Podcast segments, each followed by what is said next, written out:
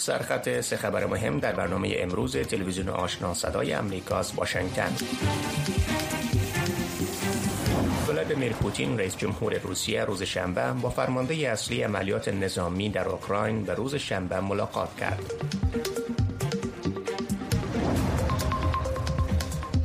یک معامله روی صادرات غلجات اوکراین از بنادر بهیره سیاه در پی چندین روز گفتگو به میانجیگری ترکیه تمدید گردید.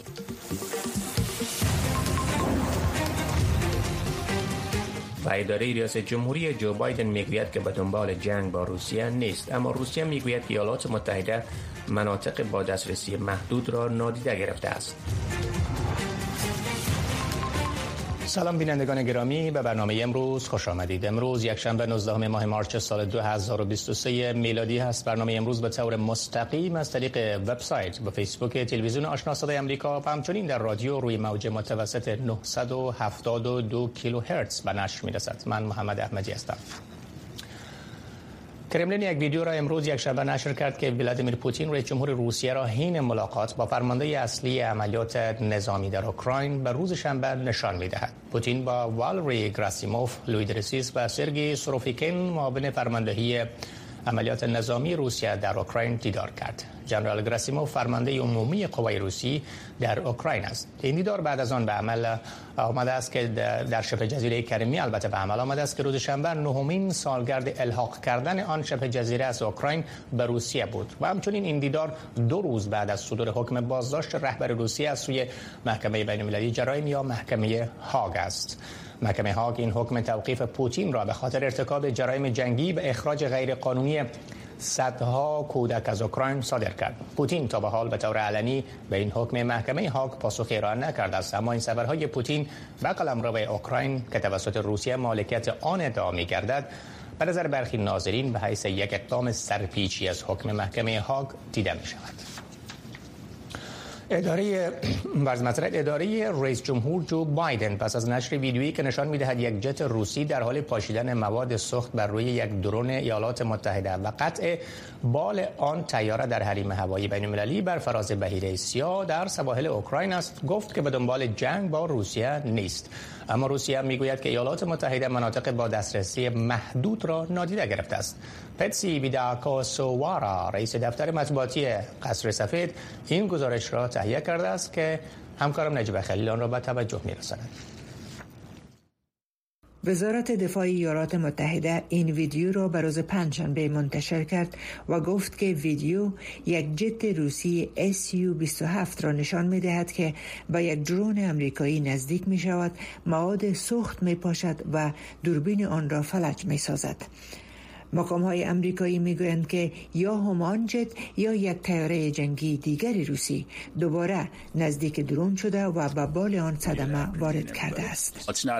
انتظار چنین ویدیوها از واقعات ناامن و غیر حرفه‌ای برای ما غیر عادی نیست. ما این کار را در حالات دیگر هم انجام داده ایم. بنابراین خصوص در این مورد با توجه بر رفتار بیپروا و خطرناک و برای نشان دادن علنی نوع اقدامات روسها ما احساس کردیم که نشر این ویدیو مهم است. ایالات متحده می‌گوید این درون در حریم هوایی بین المللی بر فراز بهیره سیاه در سواحل اوکراین پرواز می کرد ادعایی که مسکو با آن مخالفت می کند آنان کاملا نادیده گرفتند که پس از شروع عملیات خاص نظامی اردوی ما مناطق خاصی از بهیره سیا را در نزدیکی ساحل با عنوان مناطق با دسترسی محدود به هر گونه تیاره اعلام کرده است. مسکو همچنان قطع شدن بخش از درون توسط تیاره روسیه را تکذیب کرد و گفت که برای بازیابی بدنه تیاره تلاش خواهد کرد و هشدار داد که به هر گونه عملیات تحریک آمیز آینده ایالات متحده واکنش نشان خواهد داد. اما قصر سفید می‌گوید که قصد کاهش تنش را دارد.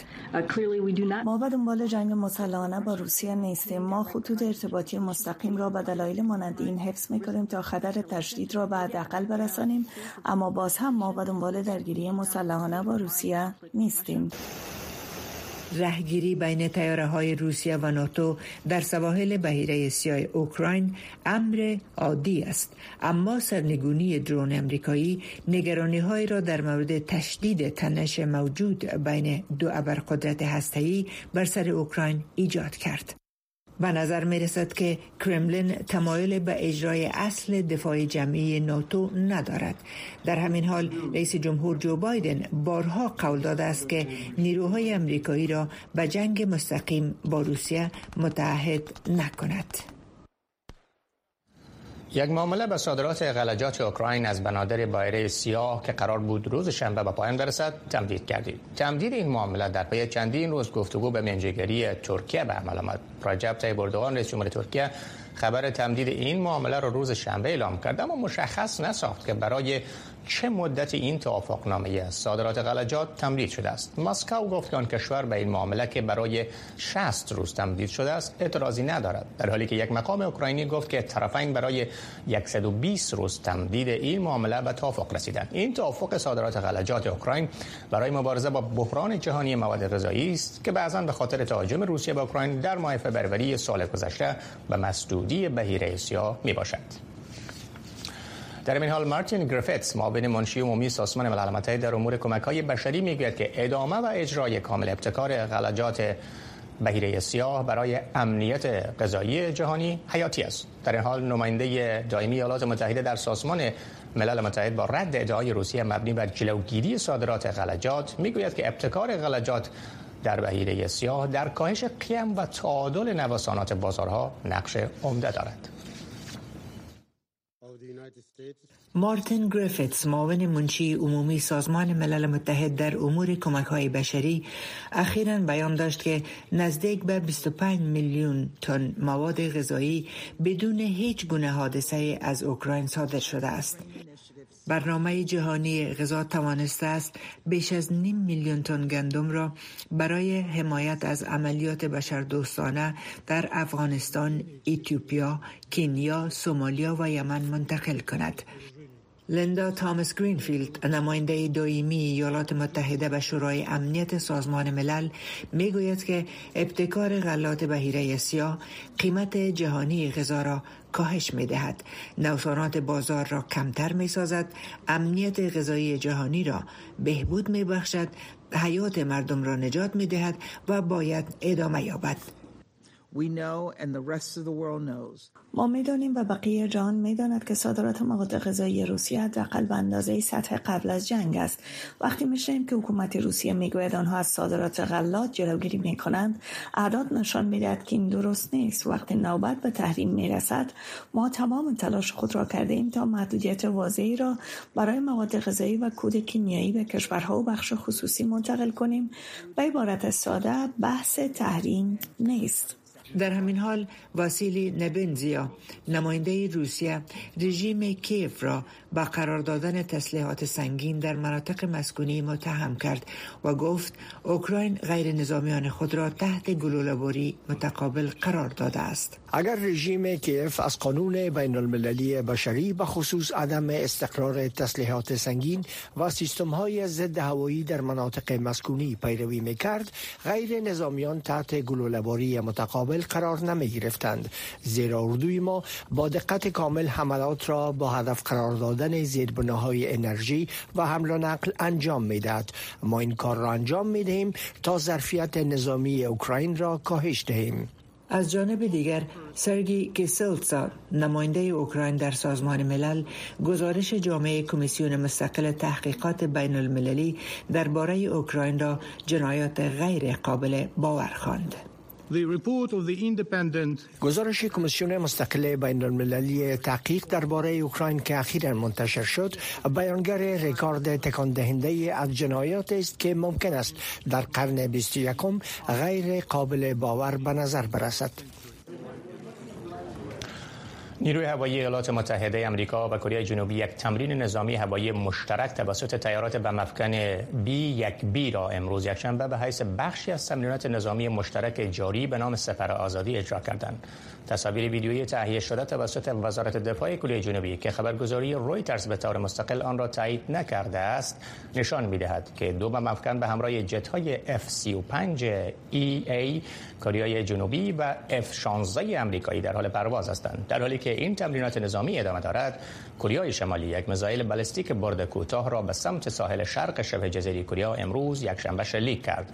و طبق بیانیه اردوی کره شمالی این میزایل قبل از اصابت به هدف 800 کیلومتر را طی کرد کره شمالی روز پنجشنبه گذشته یک میزایل مزنون بالستیک بین القاره‌ای را به داخل بحیره بین شبه جزیره کره و ژاپن ساعاتی قبل از پرواز رئیس جمهور کره به توکیو به خاطر شرکت در یک نشست شلیک کرد. رقم جانباختگان یک انفجار در معدن زغال سنگ در شهر کندینامارکای کلمبیا که روز سهشنبه رخ داده بود به 21 نفر بلند رفت. مقام های محلی روز پنجشنبه پایان عملیات جستجو و نجات را اعلام کردند. آن انفجار که باعث فرو ریختن پنج معدن زغال سنگ نزدیک به هم شد در یک ساحه روستایی منطقه از سوچا تاوسا در فاصله 75 کیلومتری شمال پایتخت آن کشور رخ داد. بیشتر از سی معدنچی برای یافتن کربن در معادن متصل به هم با عمق 900 متر هنگام وقوع انفجار مشغول کار بودند. نتایج تحقیقات مقدماتی نشان می‌دهد که فرو ریختن آن معدن بعد از تجمع گاز سبب انفجار در عمق آن معدن شده بود.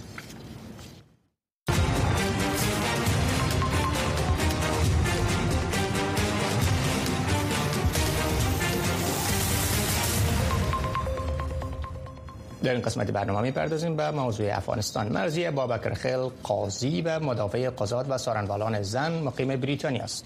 او به مناسبت روز بین المللی زن برنده جایزه تقدیر خاص به پاس تعهد طولانی مدتش و ختم خشونت های خانوادگی گردید. خانم بابکر خل در حال حاضر روی قضایای دفاع از حقوق قضات و وکلای مدافع زن با دبی ابراهامز عضو پارلمان بریتانیا مشغول کار است. برای بررسی وضعیت قضات و وکلای مدافع زن در خارج و داخل افغانستان. تهیه حاکمیت طالبان. اکنون با خانم بابکر خیل صحبت می‌کنیم که از طریق اسکایپ در برنامه با ما هستن. سلام خانم بابکر خیل.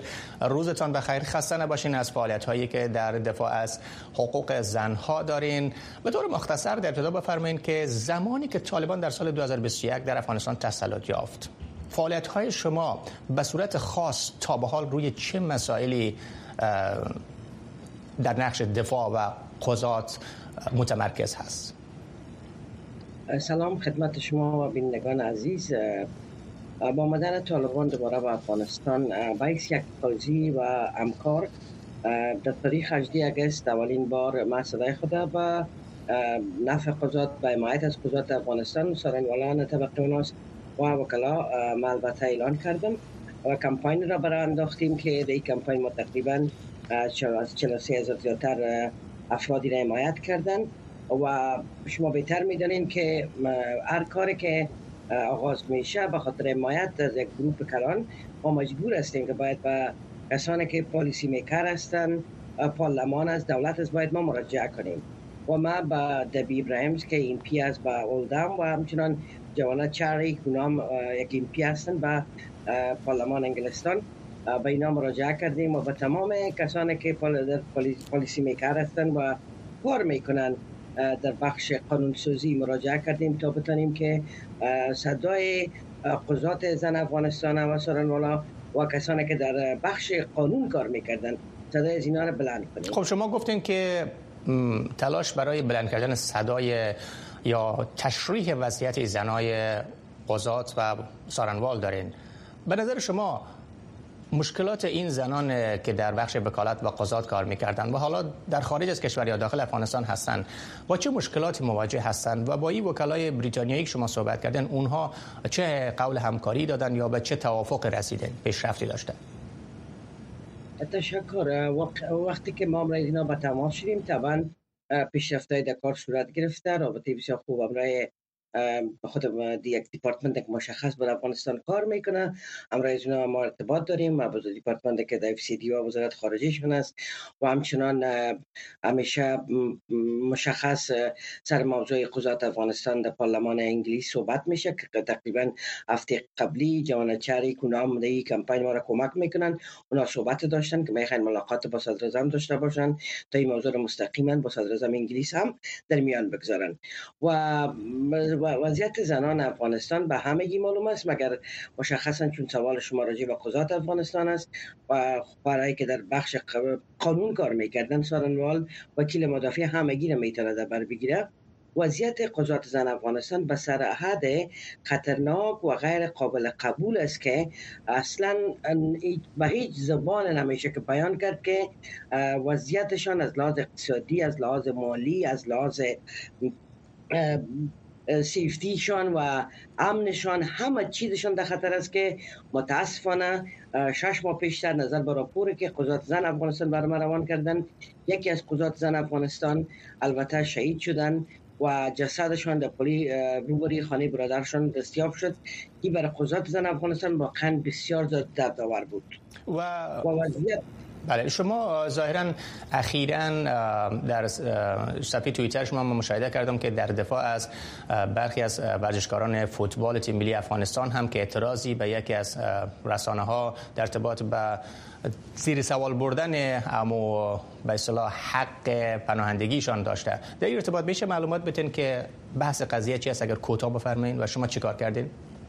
البته ما از طریق دوستایی که در, در اینجا هستن انگلستان تیم فوتبال اطلاع پیدا کردم که یک راپور البته تیار شده که اینا قسم کسی که راپور البته تقدیم کرده برای بی سی نایت ادعا دارن که گویا کسانی که آمدن در این تیم البته از افغانستان اینا بعضشان از این تیم فوتبال افغانستان نبودن.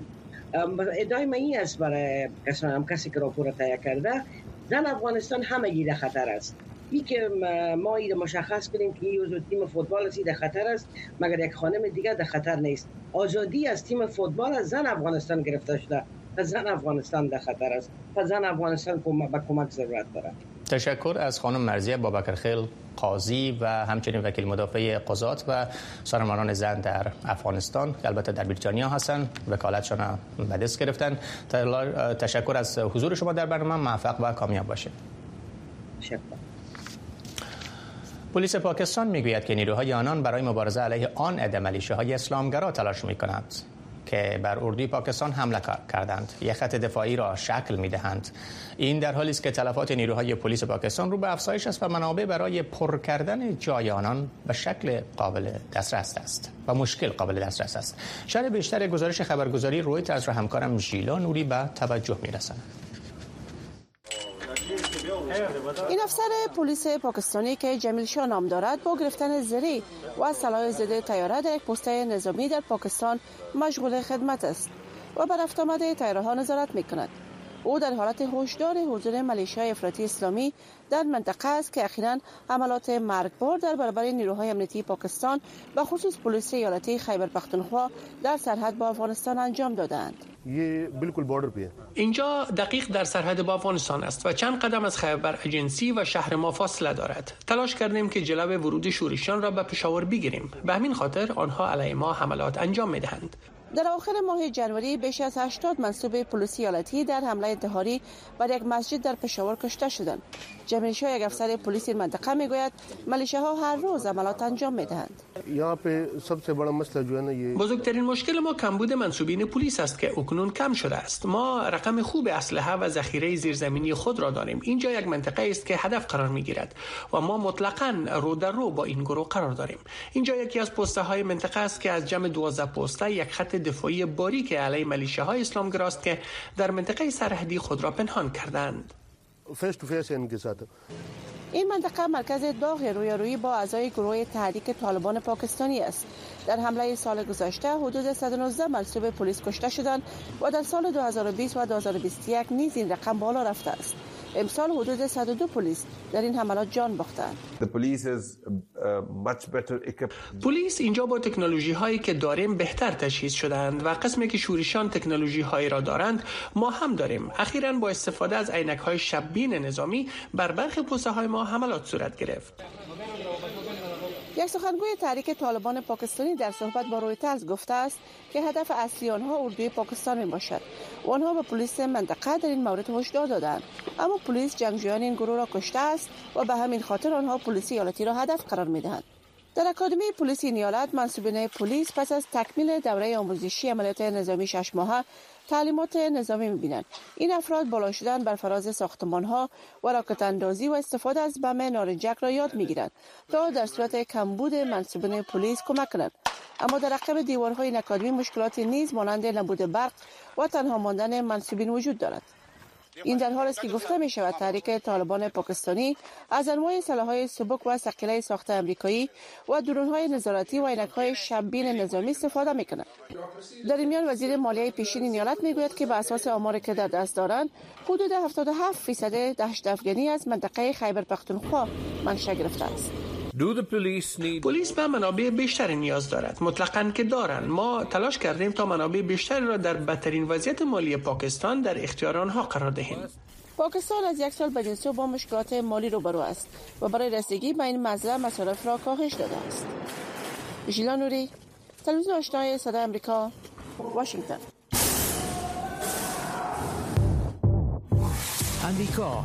یکی از کشورهایی که میزبان فرهنگ ها، میلیت ها، سنت ها و ارزش های متنوع و بسیار مختلف از سراسر جهان است. زندگی در امریکا و مهاجرت به اینجا مانند سایر کشورها سختی ها و لذت های خود را دارد. برخی افراد با تلاش و با استفاده از فرصت ها می توانند به رویاهای خود برسند و برخی ها با مشکلات روبرو می شوند. زندگی در امریکا. هر جمعه از ساعت 6 الا 6 نیم بعد از ظهر به وقت افغانستان و از ساعت 9 نیم الا 10 قبل از ظهر به وقت شرق امریکا.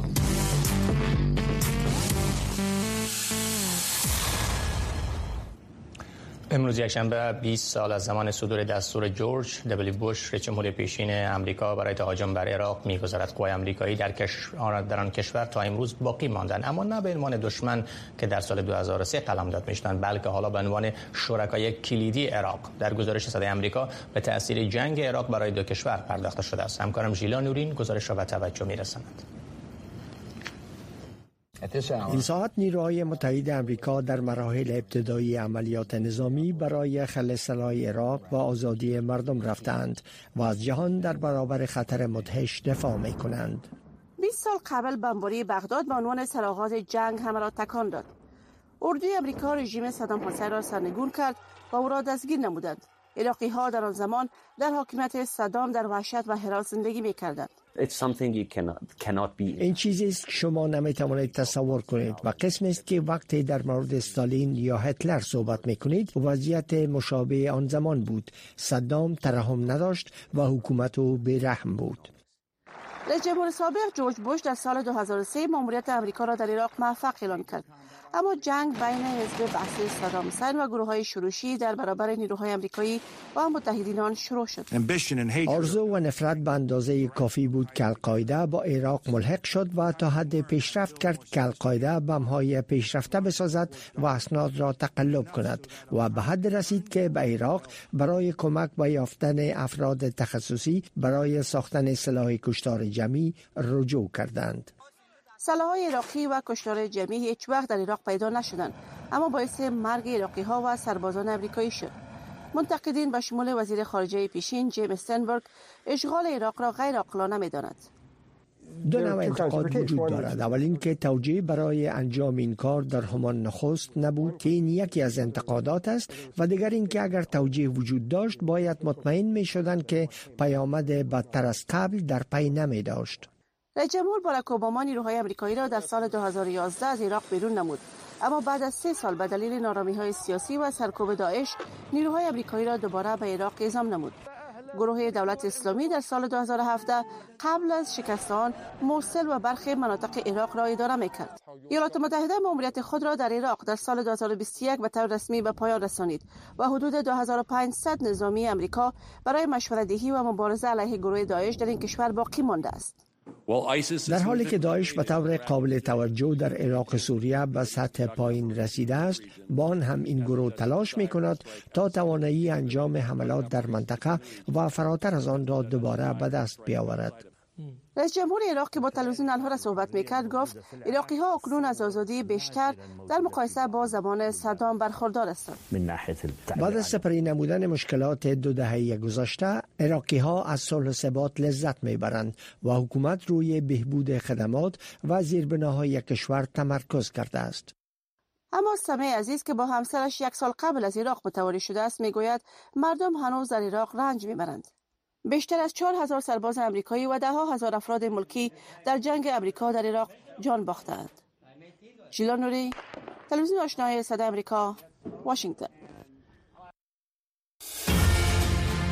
مرور هفتوار بر مهمترین رویدادها و گزارشها از افغانستان و جهان هر جمعه شب از ساعت هفت تا هفت و سی در برنامه سی دقیقه از تلویزیون آشنا صدای امریکا پخش زنده این برنامه را در نشرات ماهوارهی صدای امریکا نیز دنبال کرده می توانید.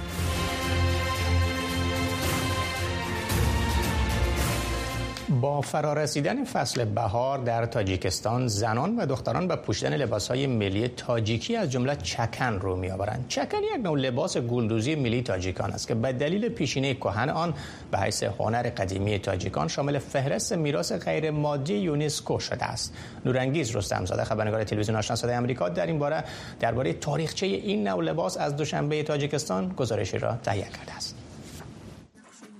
ин ҷо хонаи мудихуршед сатторов яке аз тарроҳони маъруфи тоҷикистон аст ки бо фарорасидани фасли баҳор теъдоди муштариёнаш афзоиш меёбад. Дар ин ҷо метавон намунаҳои асили либосҳои миллии тоҷикӣ бо гулдӯзии чаканро дарёфт кард. Гулдӯзии чакан либоси асили бошандаҳои вилояти хатлони тоҷикистон аст аммо ин навъи либоси гулдӯзиро дар вилоятҳои дигар бо усули хоси худ низ истифода мекунанд. Агар мо ба либоси қадимаи масалан минтақаҳо нигоҳ кунем онҳо аз якдигар танҳо бо нақшу нигор ва рангомезӣ фарқ мекунанд. Дар асл ҳамашон бо як техника дӯхта мешавад ки ин техника номаш чакан аст гулдӯзӣ ҳама нақшу нигорҳое ки дар гулдӯзии чакан нишон дода мешавад баёнкунандаи як фалсафаи таърихии хос аст. Ин нақшу нигорҳо нишондиҳандаи офтоб моҳ гулҳо ситораҳои осмонӣ ва аҷсоми кайҳонӣ аст ки мардумони гузашта боварманд ба қувваи онҳо буданд гузелмейддинова коршиноси масоили таърихӣ мегӯяд ки дар гузаштаҳо дар остин доман ва гардани либосҳои мардона низ аз ин нақшу нигор истифода мекарданд. Чун мардумони гузашта боварманд буданд ки бо ин нақшу нигор қувваҳои бад ба ҷисми ҳимояткунандаи хонавода ворид намешавад. Ва дар либосҳои занона низ нақшаи дарахтҳои гулдорро тарроҳӣ мекарданд. این چی معنی دارد؟ این نشان دهنده این است که زن بارور زندگی سرچشمه حیات و مسئول حفاظت از خانواده است. در حال حاضر تاجیکانی نوین این نوی گلدوزی لباس را در عروسی ها، جشن ها، مراسم فرهنگی و روزهای اید می پوشند. در کوچه و های شهر استفاده از این لباس مخصوصا میانی جوانان کم دیده می شود. دختران جوانی تاجیک علت نپوشیدن گلدوزی اصیلی چکن را گران بودن آن می گویند. پسران جوان نیز می خواهند تا از طرحهای مردانه این لباس که در دسترس است استفاده کنند. мақсад аз нақши нигор вобастагӣ дорад ки нақши нигор чӣ хеле ва муди кирта чӣ хеле агар ки мувофиқ биёя мисол мо хардорӣ мекунем нурангез рустамзода телевизиони ошнои садои амрико душанбе тоҷикистон بینندگان عزیز این بود داشته های برنامه امشب تلویزیون آشنا صدای امریکا تا لحظات بعد شما شنونده و بیننده این نشرات رادیو آشنا خواهید بود که به گونه زنده ادامه می‌یابد.